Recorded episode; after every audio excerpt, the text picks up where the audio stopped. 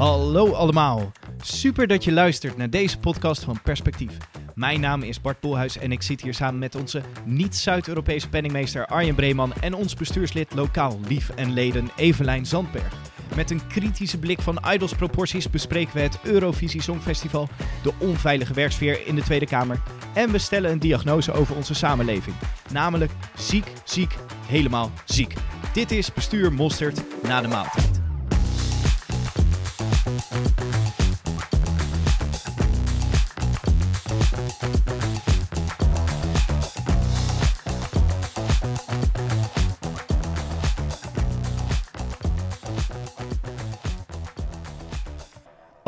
Alright. Arjen, Evelijn, uh, de tweede podcast alweer. We gaan als een trein niet te stoppen.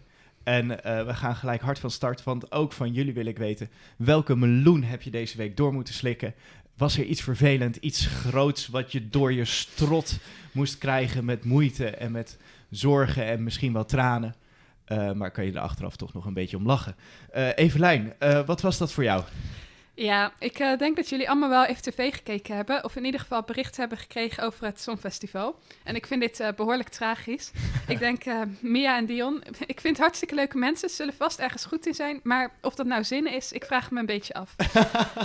ik denk, um, ja, Burn in Daylight. Het is op zich een goed nummer, maar we hadden er gewoon meer uit kunnen halen. En ik... Um, ik vind het best wel een pittige meloen, want ik hoop nog steeds dat we een keer gaan winnen. Ja, want uh, om het nog even een beetje samen te vatten, ja. ze mochten een soort oefenoptreden ja. doen. Volgens mij ja. was dat het, even testen. Misschien had de producent ook wel een soort van inschatting. Misschien moeten ze het zelf ook eens even terugluisteren.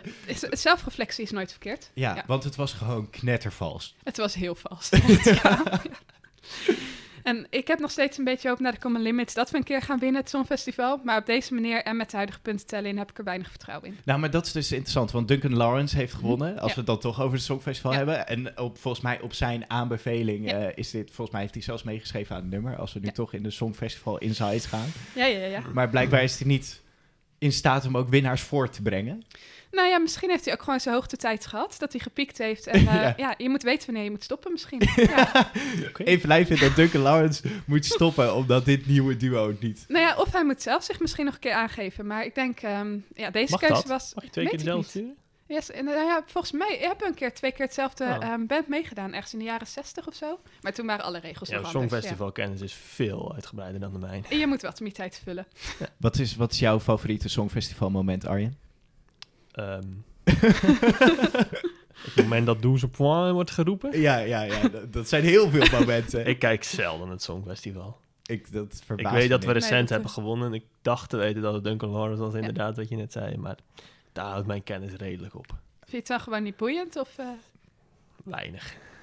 Vind jij het leuk, Evelijn? Nou ja, ik vind het gewoon mooi. Het is iets nationalistisch wat ons een beetje samenbrengt. Ik denk, uh, ja, als Nederland kunnen we dat wel gebruiken nu, toch? Ik ja. vind het... Ik, ik geniet er altijd van om met vrienden te kijken en dan eigenlijk ja. alles verschrikkelijk te vinden. Vooral dat, ja. ja. En iedereen af te krijgen. ja, ja, En dan heb je een hele leuke avond. Terwijl zelf, want dat is wel de andere kant. Je moet dus en dansen en zingen en rennen en doen. En dan moet je net een goede conditie voor hebben. En je moet ook nog goed kunnen zingen. Dus, uh, tuurlijk, maar het is hun werk. Moeten wij ons opgeven als perspectief? Zou me wel leuk lijken. Zo'n carrière switch, altijd fijn iets ja, achter de hand. Als we dit zo zien, zouden wij een serieus alternatief Ik zijn als wel. bestuur ja. Mosterd. Ja, ja, ja, exact. Uh, Oké, okay. Arjen, jij doet ook mee, of je het nou wil of niet. uh, maar wat was jouw meloen? Ja, mijn meloen uh, was een column. En dus ik ben blij dat ik een digitaal abonnement heb, want papier eten is niet heel lekker. Maar... Nou. ja, ik, uh, ik las in de NRC een, een, een, een, column. En dat was iemand die heel gefrustreerd was over parttimers. Uh, de kop was... Uh, er is meer in het leven dan werken. En dertien andere dingen die we nooit meer van parttimers willen horen. En door wie is het geschreven? Japke D. Bauma. Normaal vind ik haar stukken wel leuk. Ze schrijft een beetje over dingen in kantoren en werksfeer en dat soort mm. omstandigheden. En meestal is het dan leuke insteek. Uh, maar deze vond ik toch iets minder... Uh... Dit was een meloen in het verkeerde keelgat. Dit was een meloen in het verkeerde keelgat, ja, absoluut. Ja, en waarom? Uh, wat, wat schreef ze zo al? Ja, het, het leek een beetje alsof ze al haar frustratie uh, van de afgelopen mm. jaren... dat ze met parttimers heeft gewerkt, allemaal in deze column heeft gestopt. Ja. En daar kwam één grote rant uit op parttimers. Dat ze toch maar eh, vooral hun grenzen niet meer aan moesten geven. Dat ze, eh, nou ja, als parttimers zeiden dat ze geen burn-out willen, dat, dat ze dat blijkbaar wel gunnen aan mensen die fulltime werken. Nou, Er zat een hoop eh, overdrijving eh, in. Heb je, heb je een citaatje? ja, ehm, ik kan er wel... Nou ja, deze nummertje drie. Ik bewaak heel streng mijn grenzen, wil ze nooit meer horen van parttimers. en dan, dan is haar commentaar erop... Doe eens niet zo neurotisch. Als wij, je collega's, dringend moeten weten of jij over drie maanden kan werken... omdat anders de planning niet rondkomt... doe jij op je vrije dag dan eens niet zo interessant... met je strenge life-work balance... en gooi gewoon even een antwoord in de groepsapp. Ik denk, ik moest gelijk denken aan D66 met voltijdsbonus en iedereen fulltime werken en dat is het leven. Maar ja, Ja. Ja, ja, de- ja, dan maken we het gelijk even politiek. Maar ik, ik herken het wel. Ik snap niet zo goed waarom D66 wil dat vrouwen meer gaan werken. Want ik denk dat een mooiere oplossing nog is als mannen gewoon wat minder gaan werken. bijvoorbeeld. En dan kunnen we het gewoon lekker afwisselen. er is gewoon te veel werkeloosheid. En misschien dat ze het als oplossing zien. Ja, Ja. maar ja, we hebben ook een te grote economie. Maar dat, dat, dat Ja. is weer echt een, een meta-discussie. Ja. Ja. En die Overigens, gaan we nu niet voeren. Nog één ding Ja. waar ik Ja. het wel mee eens was in haar column. Oh, ja. Eh, ik werk niet op maandagochtend, woensdagmiddag in de evenweken, donderdagochtend en vrijdag. En dan helemaal als je ook nog zo'n out-of-office mail gelijk Oh ja. als automatisch antwoord krijgt. Dat is wel irritant. ja, ja, ja, ja, ja. Hoe vaak krijg je dat van ons, Arjen? Zelden. Zelden. Ja, kijk, wij doen het goed even. Ja, wij doen het goed. Heb Doen jij, toch iets goed. Evelijn, heb jij eh, kantoorergernissen binnen het perspectiefbestuur? Nou, vooral dat mensen hun zooi nooit opruimen. Dat Wat? gewoon, eh,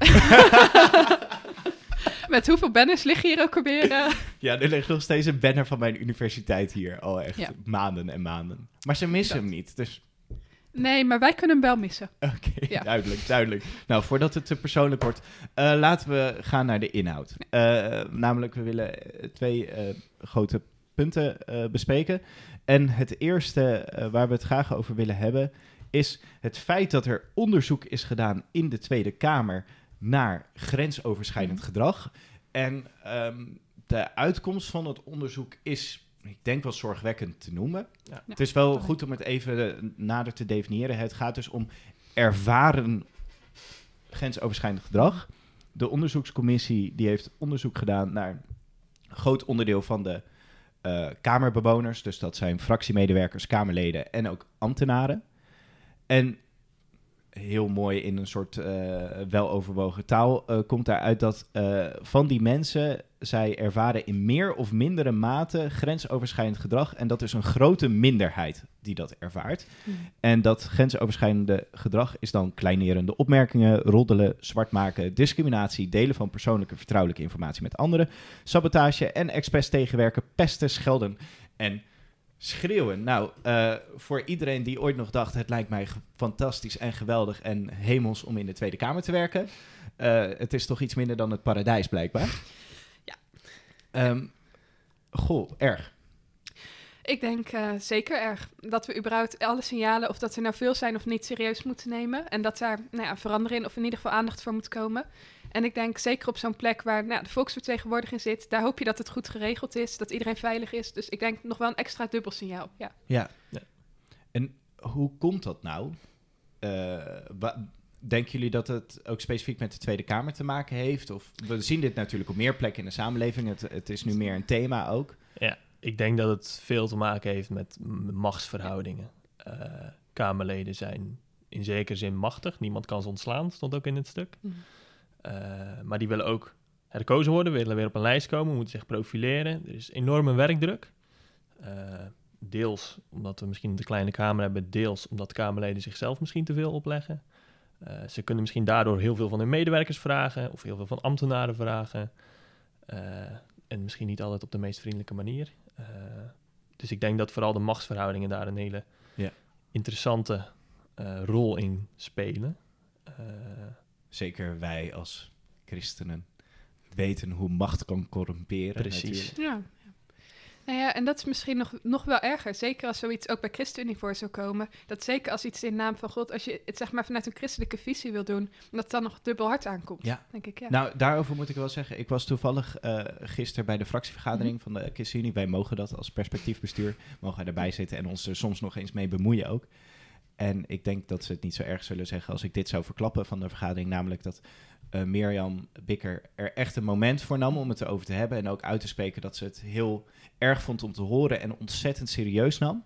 En ook binnen de fractie erop aandrong dat eh, zij echt wenste dat er een sociaal veilig klimaat was. Wat zo werd ervaren door alle werknemers.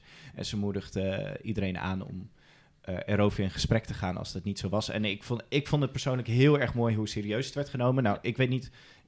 Ik hoop dat dat bij andere partijen ook zo is. Alhoewel eh, ik heel benieuwd ben of het eh, bij de Forum voor Democratie fractievergaderingen er ook zo aan toe is gegaan. Hmm. Eh, daar is recent ook een artikel Ja. over uitgekomen. Ja, dat, eh, dat is voor een ander gesprek, denk ik. Ja, misschien. Ehm, zien jullie... Denken jullie dat dit gaat veranderen? Ik bedoel, het, het, het speelt heel veel. Het is, het is één groot eh, machtsbolwerk natuurlijk in de Tweede Kamer. Hoort het er niet bij? Dat is een beetje de verleidelijke vraag. Hè? Hoort het niet bij het klimaat? Nou, een bepaalde mate van, van oneenigheid hoort natuurlijk bij een parlement. En dat het af en toe tussen Mhm. fracties misschien wat botst. En dat dat niet alleen maar in de plenaire zaal of in de commissiezaaltjes is. Dat is misschien ook nog niet zo onlogisch. Maar op het moment dat het ook binnen fracties, binnen partijen een rol gaat spelen. Of richting ambtenaren die gewoon in dienst zijn bij de Tweede Kamer en hun best doen voor Nederland. Maar daar misschien... eh, Ja, dat is eigenlijk nog het ergste. dat is eigenlijk wel. misschien nog wel het Ja. ergste. Je zag ook Mm. volgens mij, ik weet het niet zeker, maar dat eh, er waren typeringen van kamerbewoners. Ehm, nou, en daar stonden bijvoorbeeld bij ambtenaren eh, dienstbaar, loyaal, integer, dat soort Mm. woorden.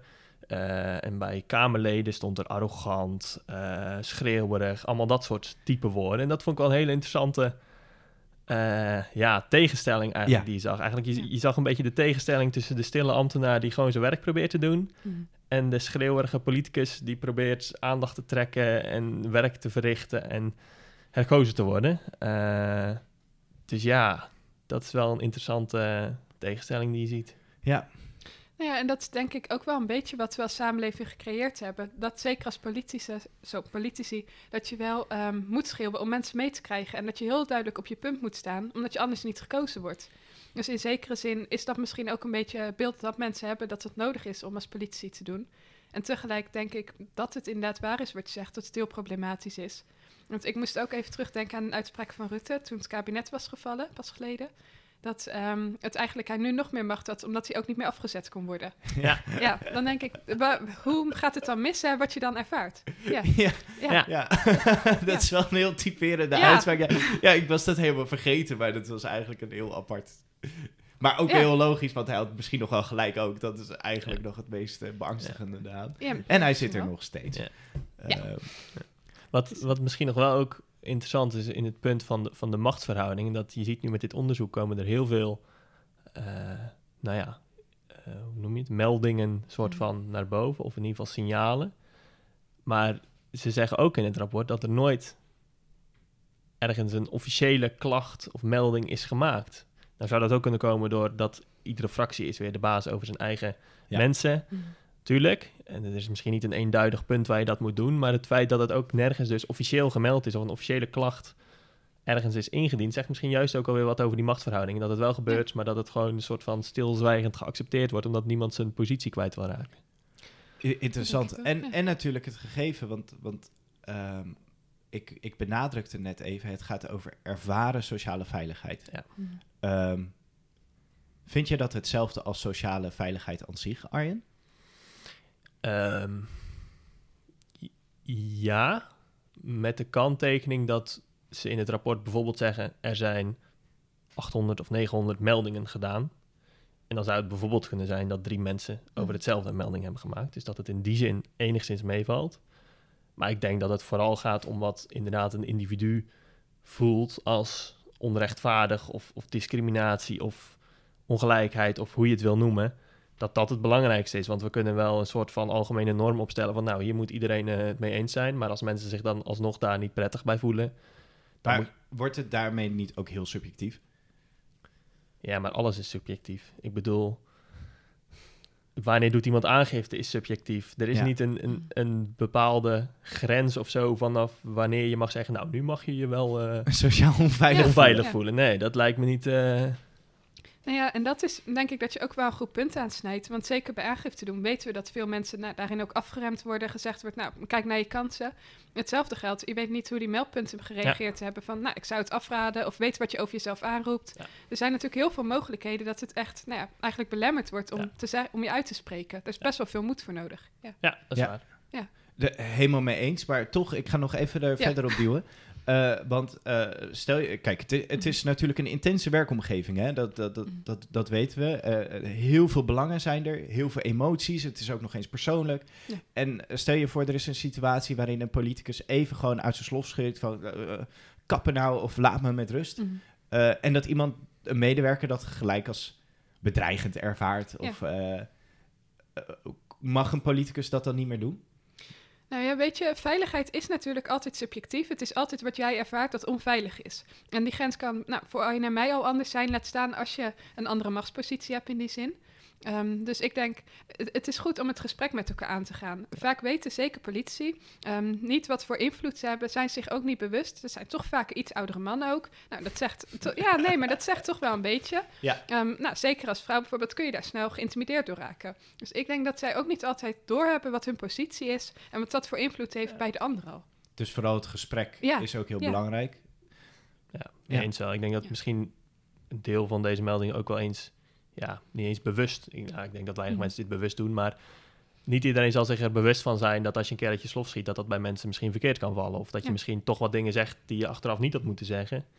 Ja. En dat je daar door alle drukte die je hebt niet de echte tijd hebt om daar nog eens op te reflecteren en op terug te komen. Eh, terwijl misschien inderdaad wel een deel van deze problemen een soort van opgelost gaan worden als je iets Mhm. meer het gesprek erover voert. En Ja. Nou ja, als mensen aangeven wat wel en niet hun grenzen zijn. Ja, wat dat betreft, eh, om het eh, af te ronden, eh, willen wij ook benadrukken dat wij zijn niet de Tweede Kamer. we hebben geen ambtenaren, maar we hebben wel perspectievers die zich voor ons inzetten. En ook als perspectief willen wij hier niet blind voor zijn. Ja. Ehm, dus daarin ook eh, specifiek willen wij ook benadrukken dat wij het heel belangrijk vinden dat ieder lid en ieder die betrokken is bij een perspectiefactiviteit zich Mhm. veilig voelt, op welke Absoluut, manier dan ja. ook. En eh, mocht dit niet zo zijn, dat eh, wij heel open zijn voor gesprek. Maar mocht je toch niet die veiligheid ervaren, ook bij het bestuur, dat er ook nog een vertrouwenspersoon is Ja. met wie je in gesprek kan gaan. Of ja, zoek iemand anders op, misschien zelfs van de ChristenUnie. Eh, Leden onderling. ja, eh, maar eh, zoek een manier om het er wel over te hebben en dingen Ja. aan het licht te brengen. Ja. Dat is beter dan dat het in de duisternis blijft en iemand er zelf aan onderdoor gaat. Of in je eigen omgeving ook nog. Dat Zeker, kan ook. Ja, Ja. zeker. Zoek iemand. Ja. In ieder geval willen we benadrukken, wij vinden dat heel belangrijk. Ja. Ehm, goh, gaan we naar eh, de, het volgende puntje, namelijk eh, onze staatssecretaris Maarten van Ooyen Ja. probeerde een discussie aan te zwengelen. Nou, daar werd hij wel eh, mee geholpen door het AD, die hem eh, de mooie... Nou ja, hij werd geïnterviewd en de titel was een citaat van hem. Ouders stuur kinderen niet te snel naar de psycholoog. Ja. Eh, vervolgens, nou, een- toch een deel van de samenleving compleet over de rooien van... ja, hallo, nu is het de schuld van de ouders en wie denk je wel niet dat je bent? Nou, hij heeft dat eh, volgens mij heel mooi eh, genuanceerd op een bericht in LinkedIn... en ook later in een interview met de NOS... van dat hij absoluut niet eh, de hulpvraag wil bagatelliseren... of de bezorgdheid van ouders...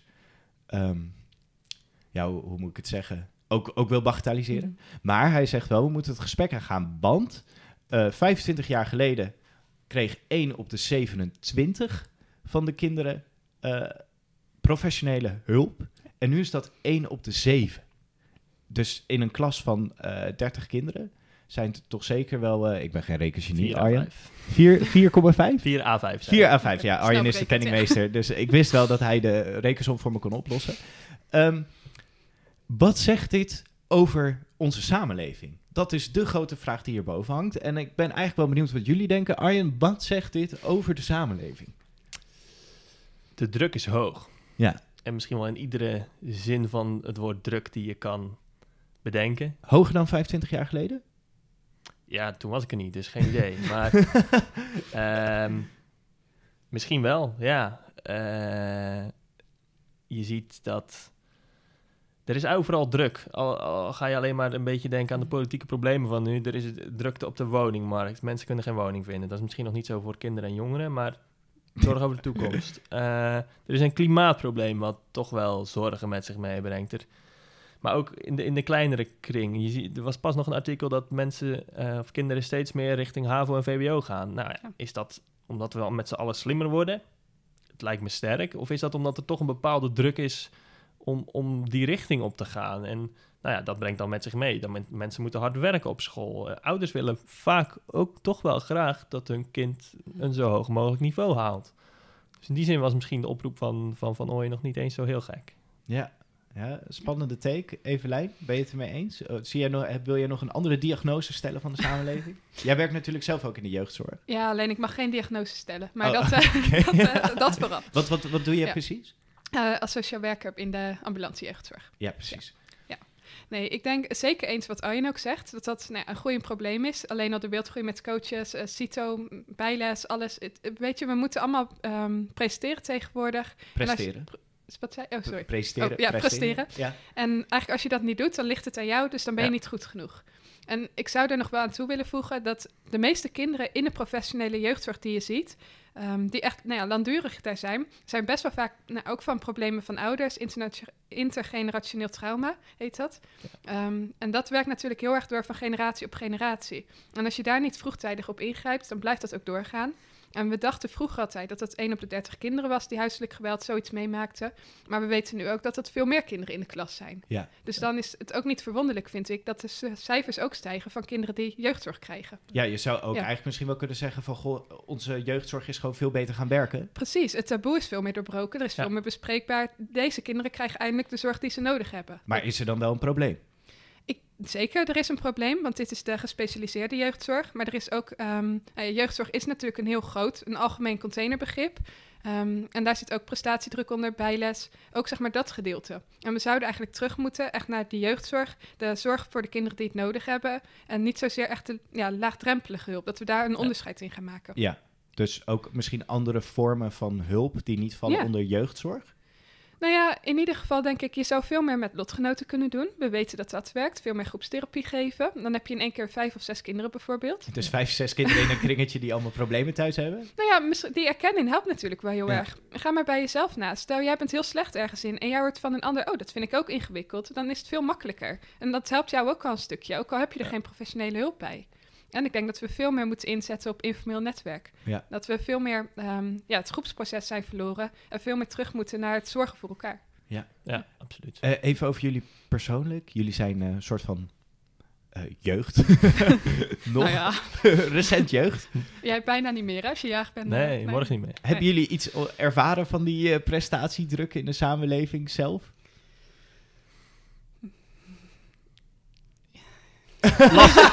Lastige vraag, eh, Ja. zoals je Heel hoort. persoonlijk. nou, ik ben gewoon benieuwd. Van, van, ik, ik bedoel, la- laat ik zo zeggen. eh, ik, ik heb dat wel gemerkt. Dat, dat ik toch als, als tiener op een of andere manier wel zoiets had van... ja, maar ik moet wel ehm, presteren. Ik weet ook niet precies waar dat Ja. vandaan komt... maar gewoon dat je, dat je merkt gewoon... dit wordt van mij verwacht, dat ik dingen kan. Ja. En dat ik ze Mm. goed kan, Ja, dat, dat ik het in ieder geval red. Eh, dat ik later ergens kom en dat het ook nog een beetje wordt gewaardeerd in de samenleving dat ik het doe. Ik zeg niet dat ik per se aan wilde voldoen Mhm. allemaal, maar, maar die druk ligt er toch wel op. Ja, dat snap Ja. ik. Ik heb het zelf nooit zo heel erg ervaren, maar wel veel gezien. van Vrienden, klasgenoten, gewoon in je omgeving. Dat je toch wel ziet dat, dat het er wel is in ieder geval. En ik denk ook dat, weet je, 1 op de 7 betekent nog steeds ook dat 6 op de 7 misschien dan minder die druk ervaren. Ja. Eh, dat, dat is natuurlijk ook, het is niet dat iedere jongere in jeugdzorgland eh, zit, maar je ziet het zeker wel. En ik denk ook dat je het meer ziet, eh, de effecten nu. Maar zelf, nou, misschien heb ik dan het voorrecht gehad om dat wat minder te ervaren. Nee, dat is alleen maar positief, toch? Ja, Ja, ik denk wel. zeker. Ja.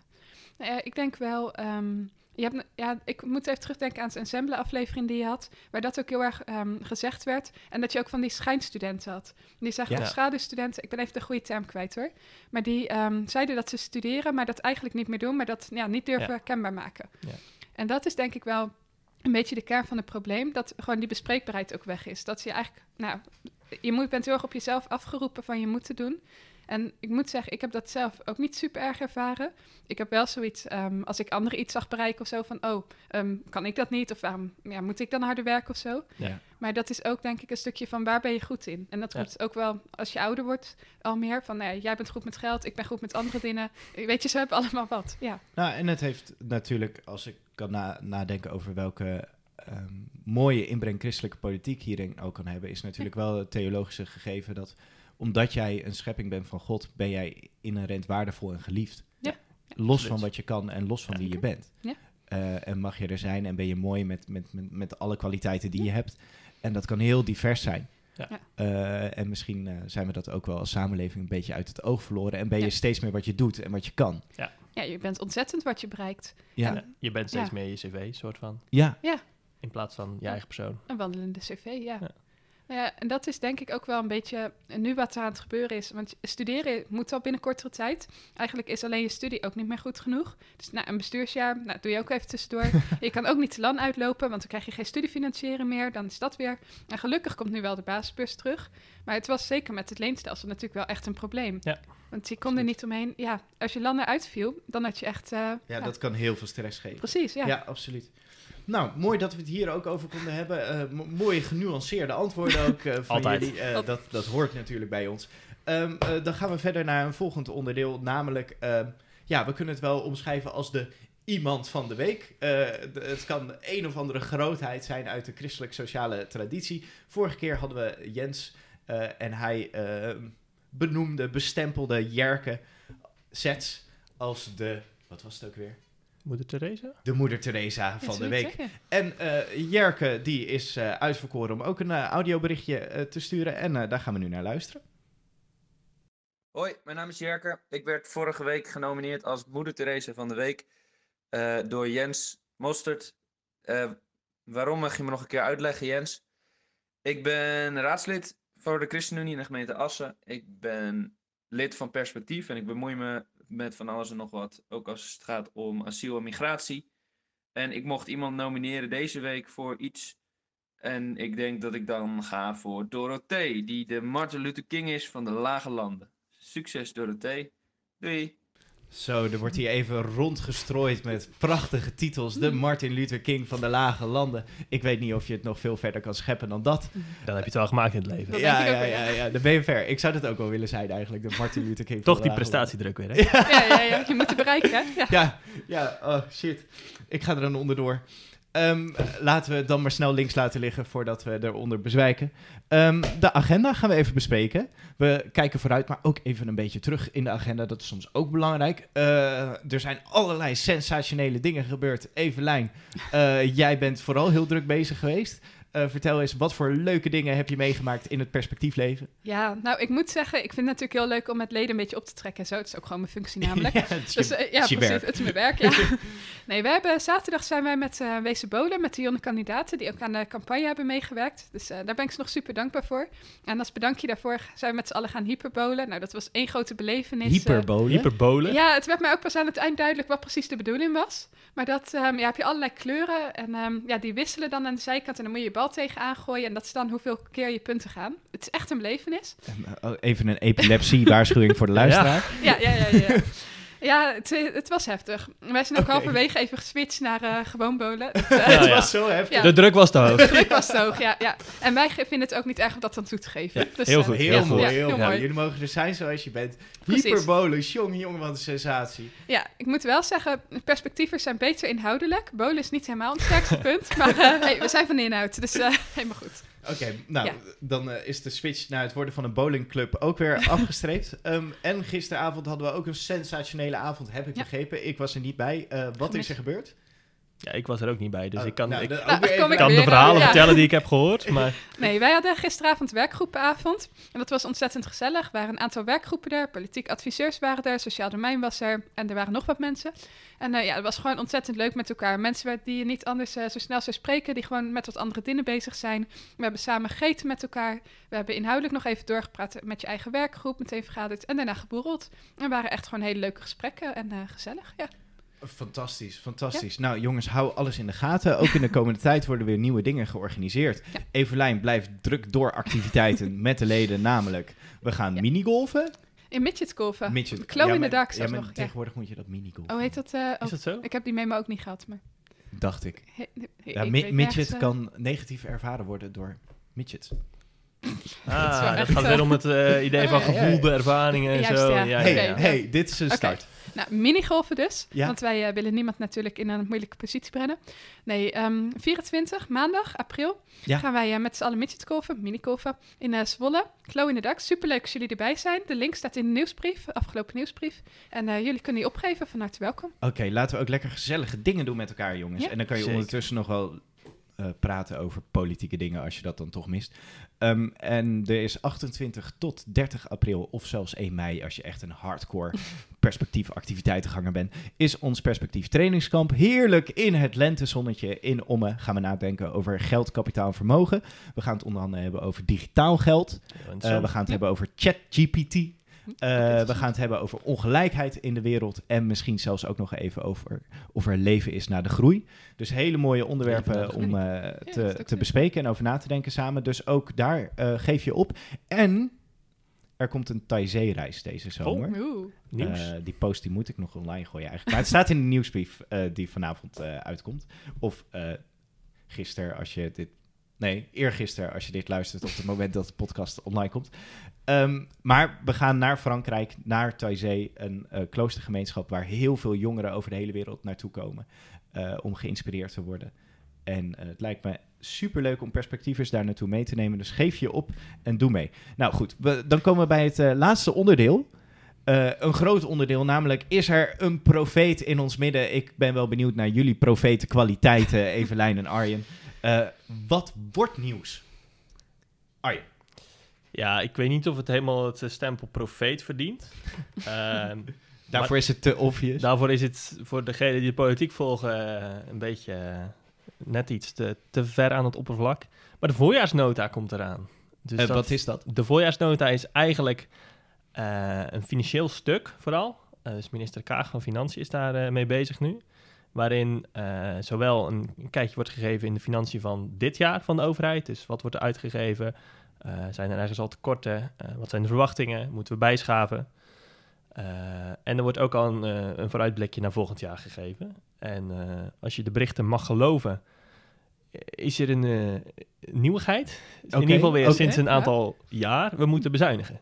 Oh ja. Er is te weinig geld. De laatste jaren was er overal geld. Alleen, eh, nou ja, het coalitieakkoord eh, was al redelijk ruim eh, in zijn omvang als je het in financiële termen doorrekent. Ja. Eh, toen kwam er nog een, eh, eh, inval van Rusland in Oekraïne, dat we, wat, wat zich kosten met zich meebracht. Defensie, Ja. prijsplafond, steun aan lagere inkomens. Ehm, dus ja, het ziet er toch naar uit dat er een beetje bezuinigd moet gaan worden. En heb je nog een soort hot take? Wat, wat verwacht je? Wat, wat wordt de verrassing? Of wat wordt het kerndiscussiepunt? Ehm, ik denk dat het kerndiscussiepunt, in ieder geval binnen de coalitie, eh, zal zijn: waar gaan we geld vandaan halen? Eh, ik vermoed zomaar is dat eh, onze vrienden van de VVD en het CDA ook echt willen bezuinigen, dus Ja. Ja. minder willen uitgeven. En het zou me niet verbazen als D66 en ook de ChristenUnie iets meer pleiten voor laten we iets meer geld ophalen. Bijvoorbeeld bij vermogensbedrijven. En, eh, en wat, wat, wat wil jij? Als penningmeester, als, Als penningmeester. altijd strenge, doch rechtvaardige penningmeester. Mm. Wat- Oeh, dit, dit wordt misschien een soort conflict tussen het hart en het hoofd van Arjen. Het hart en het hoofd van Arjen. Nou, dat valt denk ik wel mee. Ik moet het ook nog een beetje nuanceren. Dat wordt ook al gedaan namelijk door Kaag. Want je ziet ook dat Nog meer nuance. ministeries krijgen het extra geld wat ze hebben niet uitgegeven. Ja. Eh, dat is natuurlijk ook al een, eh, een meevaller voor eh, een penningmeester of een minister van Financiën. Maar dat komt ook wel een beetje door een ministerie van Financiën die nogal op hun geld zit. Daar staan ze wel enigszins onbekend. Ja. Maar in principe werkt het zo, als het geld eenmaal is toegekend, is het aan het eh, beleidsministerie, zeg maar, om Ja. daarmee om te gaan. Dus eh, ja, we krijgen het gewoon niet uitgegeven. We hebben te veel geld. Eh, maar goed, je vraag. Ja, heel goed dat je mij bij mijn eigen vraag houdt. Zo ben ik. Ja. Ehm, is lastig. is lastig. Lastig, Is lastig. lastig, lastig. Ehm, maar ik denk zeker dat je eh, met bepaalde wisselingen in je belastingssysteem nog wel wat extra geld kan ophalen. En dat het... eh, Bepaalde wisselingen. Maak het eens even concreet, Arjen. eh, Noem iets. nou, het lastige is dan ook weer dat de Belastingdienst eigenlijk geen wijzigingen kan doorvoeren, omdat daar de ICT en de mensen overbelast zijn. Ja. Dus dat is misschien ook nog wel een hele interessante discussie. Want je kan wel zeggen, laten we nou, ja, vermogensbelasting of laten we box 2 eens aanpakken voor de, voor de technici onder ons. Maar als de, de Belastingdienst dat niet doorgevoerd krijgt eh, voor volgend jaar, ja, dan Ja. Zit je alsnog met een tekort. Oh, oh, oh. Als ik dit zo hoor, is het een uitzichtloze situatie. Het is, eh, het- ja, misschien wel. maar het is weinig Nou, hoopvol. Nou, mooie Fantastisch, glazen bol. gaat ja. u lekker slapen. het komt allemaal wel goed. Of Ehm, niet, maar zien het wel. Evelijn, eh, wat is jouw voorspelling? Ja, ehm, nou ja, een beetje. Ik heb meer de sociale hoek gepakt. Ik denk meer ehm, aan asiel. Ja. Ik denk, ja, dat gaat natuurlijk weer helemaal misgaan. Eh, Er gaan weer mensen buiten slapen. Die verwachting is er nu al. En dat gaat alleen nog maar meer worden, denk ik. Ja. En ehm, ja, ik vind het gewoon schrikbarend dat we dit na een jaar nog steeds niet hebben opgelost. En ik denk, er zou gewoon nu snel een oplossing moeten komen. En die zou niet zo moeilijk te vinden moeten zijn, denk ik. Nee, zeker niet om ervoor te zorgen dat mensen niet buiten slapen. Precies. Dat, dat moet gewoon lukken. Dat denk ik ook. Ja. En ik denk ehm, helaas dat dit nog wel het nieuws gaat domineren de komende tijd. Maar ik weet niet of wij het al mogen zeggen. Wij zijn ook als perspectief een beetje met een actie bezig. Ik houd expres nog wat vaag hoor. Maar er komt in ieder geval van onze kant ook nog wat over. Ja, Ja. want wij eh, nemen geen genoegen met Mark Rutte die zegt... ik kan niet garanderen dat er geen mensen buiten slapen. En dan denk ik, goh, als je een beetje eh, een man of vrouw bent van je Ja. Eh, dan moet je dat gewoon kunnen Dan garanderen. doe je er alles aan. Dan Ja. doe je daar alles aan, exact. En eh, daarom eh, komen wij in actie. En willen wij ook een stevig beroep doen op gemeentes over heel Nederland. Vooral gemeentes waar ChristenUnie in de coalitie zit. Kom op jongens, neem je gemeente mee, durf leiderschap te tonen... en regel opvang voor vluchtelingen. Ehm, want ieder mens is het waard om een veilig leven te hebben. En daarmee zijn we wel een beetje aan het einde gekomen. We gaan zien of het ook werkelijk nieuws wordt. In het kader van asiel is het een beetje gek, want je hoopt natuurlijk dat dit nieuws wordt, zodat er Mhm. aandacht voor is en dat er iets in verandert. En tegelijkertijd hoop je dat het geen nieuws wordt, want dan is het gewoon opgelost. Voorjaarsnota wordt sowieso wel nieuws. Ja. Eh, en de uitkomst komt er niet als we jou zouden moeten horen. Eh Arjen Zwartgallige analyse hebben we ook gehad. Mm. Eh, maar goed, er is gelukkig nog hoop. Eh, het is Pasen geweest. En we Zo gaan rustig Precies. verder als perspectief om een positieve bijdrage te leveren op het bestuur van het land, impact te maken in de samenleving en ook onze leden de aandacht te geven die ze verdienen. Ehm, ik wil jullie allebei hartelijk danken en ik eh, zeg tot volgende week. Doei.